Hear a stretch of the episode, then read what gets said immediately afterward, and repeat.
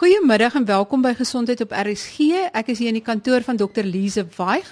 Sy is verbonde aan die departement psigiatrie van die Universiteit van Stellenbosch en ons gaan vandag gesels oor die moontlikheid dat middels en die eksperimentering met dwelmmiddels tot een of ander psigiatriese probleem kan aanleiding gee of dit na die oppervlakte kan laat kom.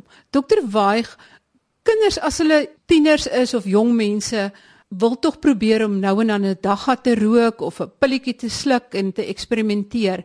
Hoe werk daai verband tussen daai eksperimentering en dat daar dalk 'n onderliggende psigose kan wees? Sekere middels is meer geneig om te lei tot psigiatriese komplikasies en jy wil veral van psigose weet kom ons gaan vinnig deur die middels. Alkohol, alkohol kan met kroniese swaar gebruik oor 'n lang tydperk lei tot alkoholgeïndiseerde psigoses en die twee algemene psigoses geassosieer met alkohol is wat ons noem alkoholhallusinose. Dit is wanneer mense stemme hoor gewoonlik kan ook ander hallusinasies wees maar is gewoonlik stemme is gewoonlik redelike negatiewe kritiese stemme wat hulle hoor maar dis redelik na lang kroniese alkoholgebruik alkohol is ook geassosieer met wat ons noem alkohol geïndiseerde waanstoring en dit is wanneer mense oortuig raak is gewoonlik 'n jaloesie waansteening en hulle raak oortuig dat hulle eggenoot of seksuele maat eh, nie getrou aan hulle in die verhouding is nie. En dit is ook dan dikwels geassosieer met geweld en daar selfs 'n assosiasie met moord gevind met alkoholhallusinose. Ander middels wat geassosieer is met psigose is cannabis of dagga Cannabis is baie interessante middel en jou endokannabinoïdstelsel is verantwoordelik vir 'n 'n klomp funksies, uh, moduleringsfunksies wat ons nou net eintlik die navorsing begin nou net van hierdie goede verstaan. Een van die funksies is dat dit ander oordragstowwe in die brein reguleer wanneer daar disregulasie in die in ander breinarea oordragstowwe is, dit kan lei tot psigose. En interessant genoeg met cannabis weet ons dat die tyd wanneer ons breine matureer, adolessensie, dan ook die tyd is wat die gevaar vir cannabis geïndiseerde psigose en cannabis geïndiseerde probleme um die hoogste is. So die psigiatriese risiko van cannabis gebruik veral in adolessensie is dan nou die gevaar is dan die hoogste. Dan nou verder, die ander groot groep wat geassosieer is met psigose is is die stimulante en in die Weskaap is tik of kristalmetamfetamiene dan nou die groot sonnebok. Dit eh, is geassosieer met psigose, maar ook ander stimulante, ecstasy en kokaine en ander stimulante kat met katinoon kan alles ook lei tot psigose ander dwelms eh, geassosieer met psigose dan nou die hallusinogene. Dit is goed soos LSD magic mushrooms um ketamine etc middels soos kalmeermiddels wat dikwels misbruik word eh, en pynmedikasie en opiate soos morfine en heroïne is minder geneig om tot psigose te lei, maar is meer geassosieer met ander psigiatriese komplikasies of steurings. As ons dan nou kyk na middels en psigose dan kan dit wees dat die middel self 'n substans geïndiseerde psigose veroorsaak. Gewoonlik raak die persoon dan nou erg psigoties. Nou miskien moet ons psigose definieer. Psigose is 'n baie nie spesifieke term. Dis iets soos koors. Dit is 'n 'n simptoom wat dui daarop dat daar 'n ander onderliggende probleem is. As jy koors het, dan is dit miskien 'n meningitis of 'n verkoue of 'n griep of 'n of 'n longontsteking of iets wat die koors veroorsaak. In dieselfde manier as iemand psigoties is, beteken dit dat daar 'n gewoonlik 'n ander onderliggende probleem wat die psigose veroorsaak. Dit kan wees 'n mediese probleem, dit kan wees 'n onderliggende psigiatriese siekte of dit kan veroorsaak word deur sekere middels of of dwelms dan nou. Hoe tree iemand op wat psigoties is? Psigose uh, presepeteer dan nou met iemand wat kontak verloor met realiteit of probleme het met hulle realiteitstoetsing. Hulle kan hê wane. Nou wane is soos 'n vaste valse oortuiging het wat nie bloot verduidelikbaar is as gevolg van kulturele of geloofs-oortuigings nie wat die persoon aan onwrikbaar vashou wat dan nou van alle waarheid ontbloot is byvoorbeeld iemand is uit om my dood te maak of die aliens het iets kom implanteer in my kop of wat ook al. En ons kry verskillende tipes wane, vervolgingswane, grootheidswane, betrekkingswane ensovoorts, verskeie ander wane. Dan kan 'n persoon ook presenteer met hallusinasies. Hallusinasies is wanneer ons 'n perseptuele ervaring het wanneer daar geen eksterne perseptuele stimulus teenwoordig is nie met ander woorde iemand kan stemme hoor of geluide hoor wanneer daar geen geluide is nie of goed sien wat nie daar is nie of goed voel op hulle vel taktiele hallusinasies goed voel op hulle vel wat nie daar is nie. So perseptuele abnormaliteite kan dui op psigose partykeer herken ons bloot psigose aan erg versteurde gedagteprosesse of erg versteurde bizarre abnormale gedrag wat 'n persoon dan nou mee kan persepiteer. As ons psigose sien, as ons daai goeie sien, dan soek ons die onderliggende oorsaak daarvan. En dit kan wees as gevolg van 'n onderliggende primêre psigiatriese siekte, byvoorbeeld skizofrenie of bipolêre stering, partykeer met 'n erge depressie kan iemand psigotiese depressie hê ensovoorts. Daar's ook sekere mediese toestande wat die komplikasie kan hê dat 'n persoon psigoties raak. Byvoorbeeld abnormale paratiroïde met hoë kalsiumvlakke of sekere breintoestande, brein abnormaliteite, siektes byvoorbeeld um epilepsie, sekere tipe epileptiese aanvalle kan persepiteer met psigotiese simptome. Kan 'n breingewas 'n mens psigoties maak en bizarre dinge laat doen? 'n Breingewas kan ook lei tot psigotiese simptome. Ja. En dan nou dwelms is ook 'n groot ander oorsaak of of middels. Hoe onderskei julle tussen 'n onderliggende psigiatriese probleem wat deur 'n middel soos dagga of tik of 'n ander middel aangeskakel word en of die middel self die psigotiese episodes veroorsaak? Dit is 'n penarie wat psigiaters baie keer mee sit en daar's verskillende goed wat ons gebruik om 'n voorkeurdiagnose te maak. Wanneer iemand 'n middel gebruik het wat geneig is om 'n psigotiese stering te veroorsaak, dan moet dit definitief in ons diferensiële diagnose wees. 'n Middelgeïndiseerde psigose is 'n psigose wat gewoonlik redelik vinnig opklaar in meeste gevalle. As die probleemmiddel wat gebruik is, die persoon op om dit te gebruik, dan gewoonlik klaar die psigose binne dae tot weke op.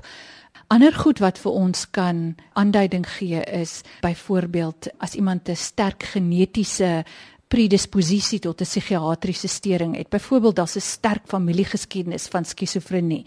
In so 'n geval as die persoon 'n middel misbruik en hulle raak psigoties, gaan ons sterk oorweeg of dit nie 'n onderliggende primêre psigiatriese stering is nie. Dan kyk ons ook baie keer in die geskiedenis is daar periodes wanneer die persoon dwelmvry was, maar simptome gehad het van die psigiatriese stering sien maar met 'n toelating van vir hulle dwelmprobleem of 'n toelating vir om 'n ander rede of dat tye was wanneer hulle nie gebruik het nie en die, en die, en die psigiatriese simptome teenwoordig was.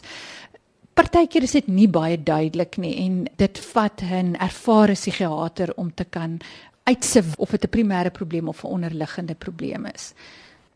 Kan die middel 'n onderliggende probleem aanskakel wat dan nie weer afgeskakel kan word nie? Dit is 'n baie goeie vraag. Presies hoe middels 'n psigotiese stering kan presipiteer, is ons nog net besig om te begin verstaan en dit wil lyk van navorsing of mense wat geneties kwesbaar is tot 'n psigiatriese stering, meer geneig is om ook 'n middelgeïndiseerde psigose te ontwikkel. Byvoorbeeld as jy 'n sterk genetiese lading het, is jy meer geneig om psigoties te raak indien jy 'n middel gebruik. En indien ten spyte van die feit dat die persoon ophou om die middel te gebruik, indien die psigiatriese simptome nie opklaar nie, dan is dit partykeer dat die psigiaters uiteindelik die besluit neem dat dit was 'n onderliggende steuring wat aangeskakel of gepresipiteer was deur die gebruik van die middels. Kan mens vooraf voorspel watter jong mens gaan so reageer? Ongelukkig het ons nie 'n bloedtoets wat gaan sê wat vir ons die toets gaan gee wat vir ons gaan sê juis die een wat psigoties gaan raak en met skizofrenie gaan eindig nie. Wat ons wel weet is dat kwesbare mense wat byvoorbeeld geneties kwesbaar is of wat psigologies kwesbare breine het, 'n hoër kans het om dan nou 'n onderliggende probleem te ontwikkel. As ons kyk na meeste psigiatriese steurings, die etiologie is multifaktoriaal. So dit is 'n kombinasie van genetika, omgewingsfaktore, stressors, blootstelling aan sekere middels ens wat dan voldoende kan wees om uiteindelik te lei tot die presipitering van 'n steuring. So jy kan nie ongelukkig sê voor jy jou eerste keer jou dagga rook, ek is die een wat gaan eindig met skizofrenie of nie. Ons weet hoe jonger jy is, hoe hoër is die kans dat jy met langtermyn psigiatriese probleme gaan eindig? Hoe groter die hoeveelheid dwelm is wat jy gebruik veral dan nou tik en dagga, hoe groter is die kans vir langtermyn psigiatriese steurings en dan hoe groter jou genetiese lading, hoe groter is jou kans vir langtermyn probleme. Sien julle meer en meer jong pasiënte met dwelm geïnduseerde psigoses? Ja, dit wil wel lyk like of substansgeïndiseerde psigiatriese probleme meer algemeen raak. Dit kan moontlik wees oor stimulante wat redelik geneig is om dit te veroorsaak, meer populêr raak. Dit wil ook lyk of kinders op 'n jonger ouderdom begin eksperimenteer met substansies en dan nou dink dat sekere middels soos dagga is skadeloos wat dit ongelukkig nie is nie. Is dit nie dalk so dat baie jong mense wat dagga alkohol of ander middels gebruik, nie reeds 'n ongediagnoseerde siekte of probleem het, soos byvoorbeeld bipolêre gemoedversteuring, en dan middels gebruik om eintlik hulle self te medikeer nie. Dit is ook 'n baie goeie vraag. In my ervaring as jy vir 'n pasiënt met 'n substanssteuring baie keer vra hoekom gebruik jy die middel, dan sal hulle vir jou sê, "O, dit is oor ek depressief is en oor ek nie kan ja, oor ek onderliggende byvoorbeeld psigiatriese probleme het." As 'n mens dan baie versigtig uitsorteer wat was eerste, is dit dikwels anders omdat die middel eerste daar is. Maar dit is een van die hipoteses vir iemand wat dan nou met 'n dubbeldiagnose steuring eindig beide substansie en psigiatriese komorbiditeit dat een van die hipoteses is dat hulle simptome van psigiatriese steurings of selfs neeweffekte van psigiatriese medikasies met substansie medikeer. Is bipolêre gemoedversteuring een van die probleme en moet 'n mens meer aandag hieraan gee? Bipolêre steuring is van die psigiatriese steurings as jy kyk na die groot ehm um, uh, epidemiologiese studies, die psigiatriese steuring met die hoogste substanskomorbiditeit. Meer as die helfte van pasiënte met 'n diagnose van bipolêre steuring in van hierdie groot internasionale epidemiologiese studies het ook dan nou kriteria vir 'n 'n substanssteuring gehad. As jy kyk na die algemene populasie, kyk ons na ongeveer sê net maar 10% van mense wat met 'n 'n substanssteuring eindig. So bipolêr het 'n baie hoë substanskomorbiditeit. Is daar dan ook 'n groter risiko vir selfmoord? As jy kyk na pasiënt met 'n psigiatriese probleem en jy kyk na hulle selfmoordrisiko is die gebruik van substansie een van daai verswaarende risikofaktore. Dit verhoog die risiko vir selfmoord. Ook in die algemene populasie enigiemand wat substansie gebruik het 'n hoër kans vir selfmoord. Om verskeie redes substansie veroorsaak klomp probleme is baie keer geassosieer met ehm um, emosionele probleme, geassosieer met finansiële probleme. Mense verloor hulle werk, hulle verloor verhoudings wat alles hulle risiko vir selfmoord verhoog. En dan nou ook natuurlik met 'n mens dink aan die intoksikerende effek van 'n substans en hoe dit dan nou iemand se insig en oordeel terwyl hulle onder die invloed van 'n middel is kan uh, inkort en hulle risiko vir selfmoord so kan verhoog. Daai risiko is hoër vir alle substansgebruikers insluitend bipolêr, skizofrenie, depressiewe stering, alle ehm um, psigiatriese sterings wat ook komorbiede substansie het insluitend bipolêr. Dit verhoog definitief ook in bipolêre stering die selfmoordrisiko. Maar ook soos ek sê aan die ander psigiatriese sterings. Kan ons dan 'n oomblik stil staan by bipolêre verstoring, middels en psigoses? Wanneer 'n mens aan bipolêre storing ly, is daar verskeie redes hoekom so iemand 'n of 'n maniese of 'n depressiewe terugslag kan kry partykeer gebeur dit net, maar ons weet ons kan die kans vir daai terugslag verminder as iemand sy medikasie getrou neem. So dit kan wees dat iemand opgehou het om sy medikasie te neem.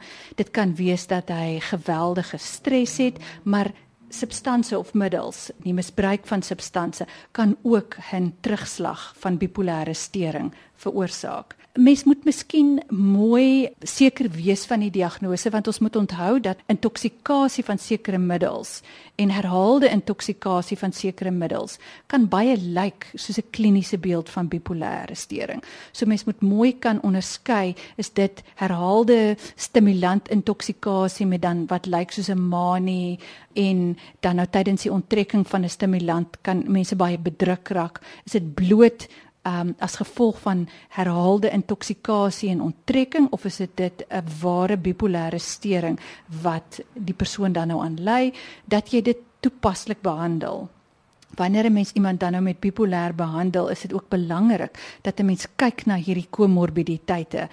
Wanneer 'n mens hulle dan nou leer om hulle lewe te reguleer om die kanse vir 'n terugslag te verminder, dat mens ook kyk na onderliggende substansprobleme en 'n probleemgebruik van substansie en dat 'n mens dit dan nou ook adresseer in die behandelingsplan.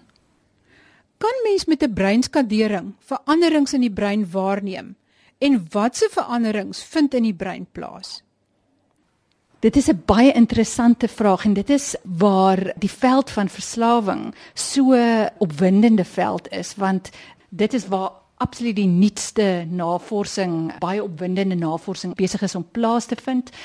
As ons kyk na wat in die brein aangaan, dan kan ons skanderings neem, ons 'n prentjie kry van hoe die brein lyk met ander woorde of daar volume verlies et cetera met sekere middelmisbruik is maar baie meer opwindend is die funksionele breinskanderings ons kyk na hoe die brein reageer en hoe verslaafde brein anderste is as 'n nie verslaafde brein.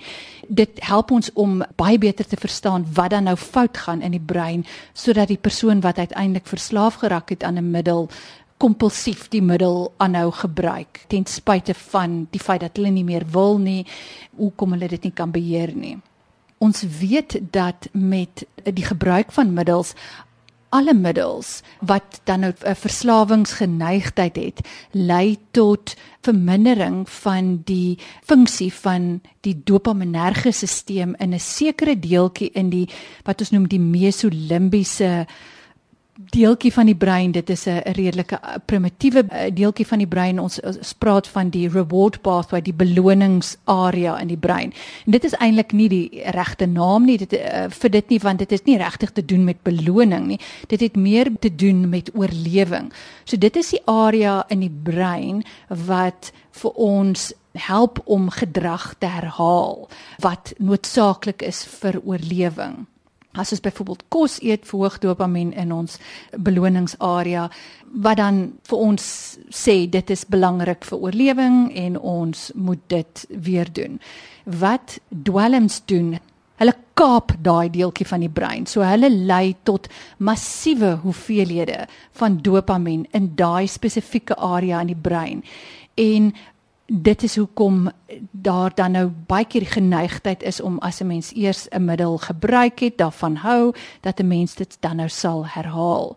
Party mense is meer kwesbaar. Uh dit hang af van 'n klomp verskillende faktore onder andere ook van jou ehm um, uh D2 reseptor digtheid in in sekere areas van die brein. Mense met laer reseptor digtheid lyk like of hulle dit meer belonend ervaar of meer aandui dat hulle daai gedrag dan nou sal herhaal dan nou met herhaalde blootstelling aan die brein lei dit tot verskeidenheid van veranderinge. Onder andere een van die veranderinge is kondisionering, soos wat uh, mense hond kondisioneer met Pavlov se eksperimente dat die klokkie lui en hy kwyl want hy dink kos kom. So op dieselfde manier raak 'n uh, verslaafde dan gekondisioneer dat mense, plekke, tyd van die dag, ek het geld in my sak, Vrydagmiddag, wat ook al, baie gekondisioneer raak met die beloning van die ervaring van die van die middel en dat dit dan nou net om aan daai snellers blootgestel te wees dan nou kan lei tot erge cravings of versigtiging om die die die middel te gaan gebruik. Soos wat 'n roker om 'n braaivleisvuur sy sigarette uithaal of soos 'n gewoonte drinker sy drankie skink omdat hy dit met braaivleis assosieer wat hy's gewoond daaraan, hy het gekondisioneer geraak daarin. Klomp ander veranderinge vind plaas, dit raak baie kompleks. Een van die ander interessante veranderinge is dat met met herhaalde gebruik van middels uh, lei dit dan op die ou en tot wat ons noem hiperfrontaliteit. Nou die nuwe deel van ons brein, ons frontale lobbe wat ons moet laat dink en stop en oorweeg en 'n ingeligte besluit maak. Dit is of of daai deel van die brein nie optimaal besluite kan neem oor hierdie onderwerp nie.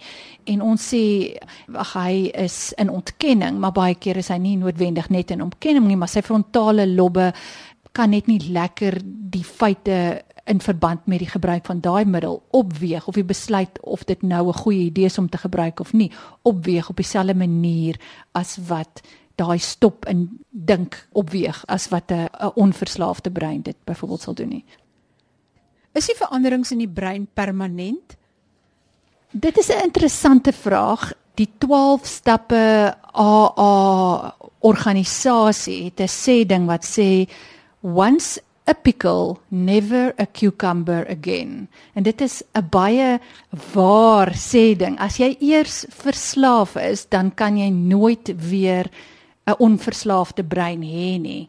Maar ons kan mense vaardighede aanleer om beheer te vat en hulle lewe te organiseer en vaardighede aan te leer hoe om hierdie toestand te hanteer So as jy verslaaf is, beteken dit nie dat jy vir ewig gaan ly as gevolg van die verslawing en moet weerstand bied elke dag en dit gaan 'n stryd vir ewig wees nie.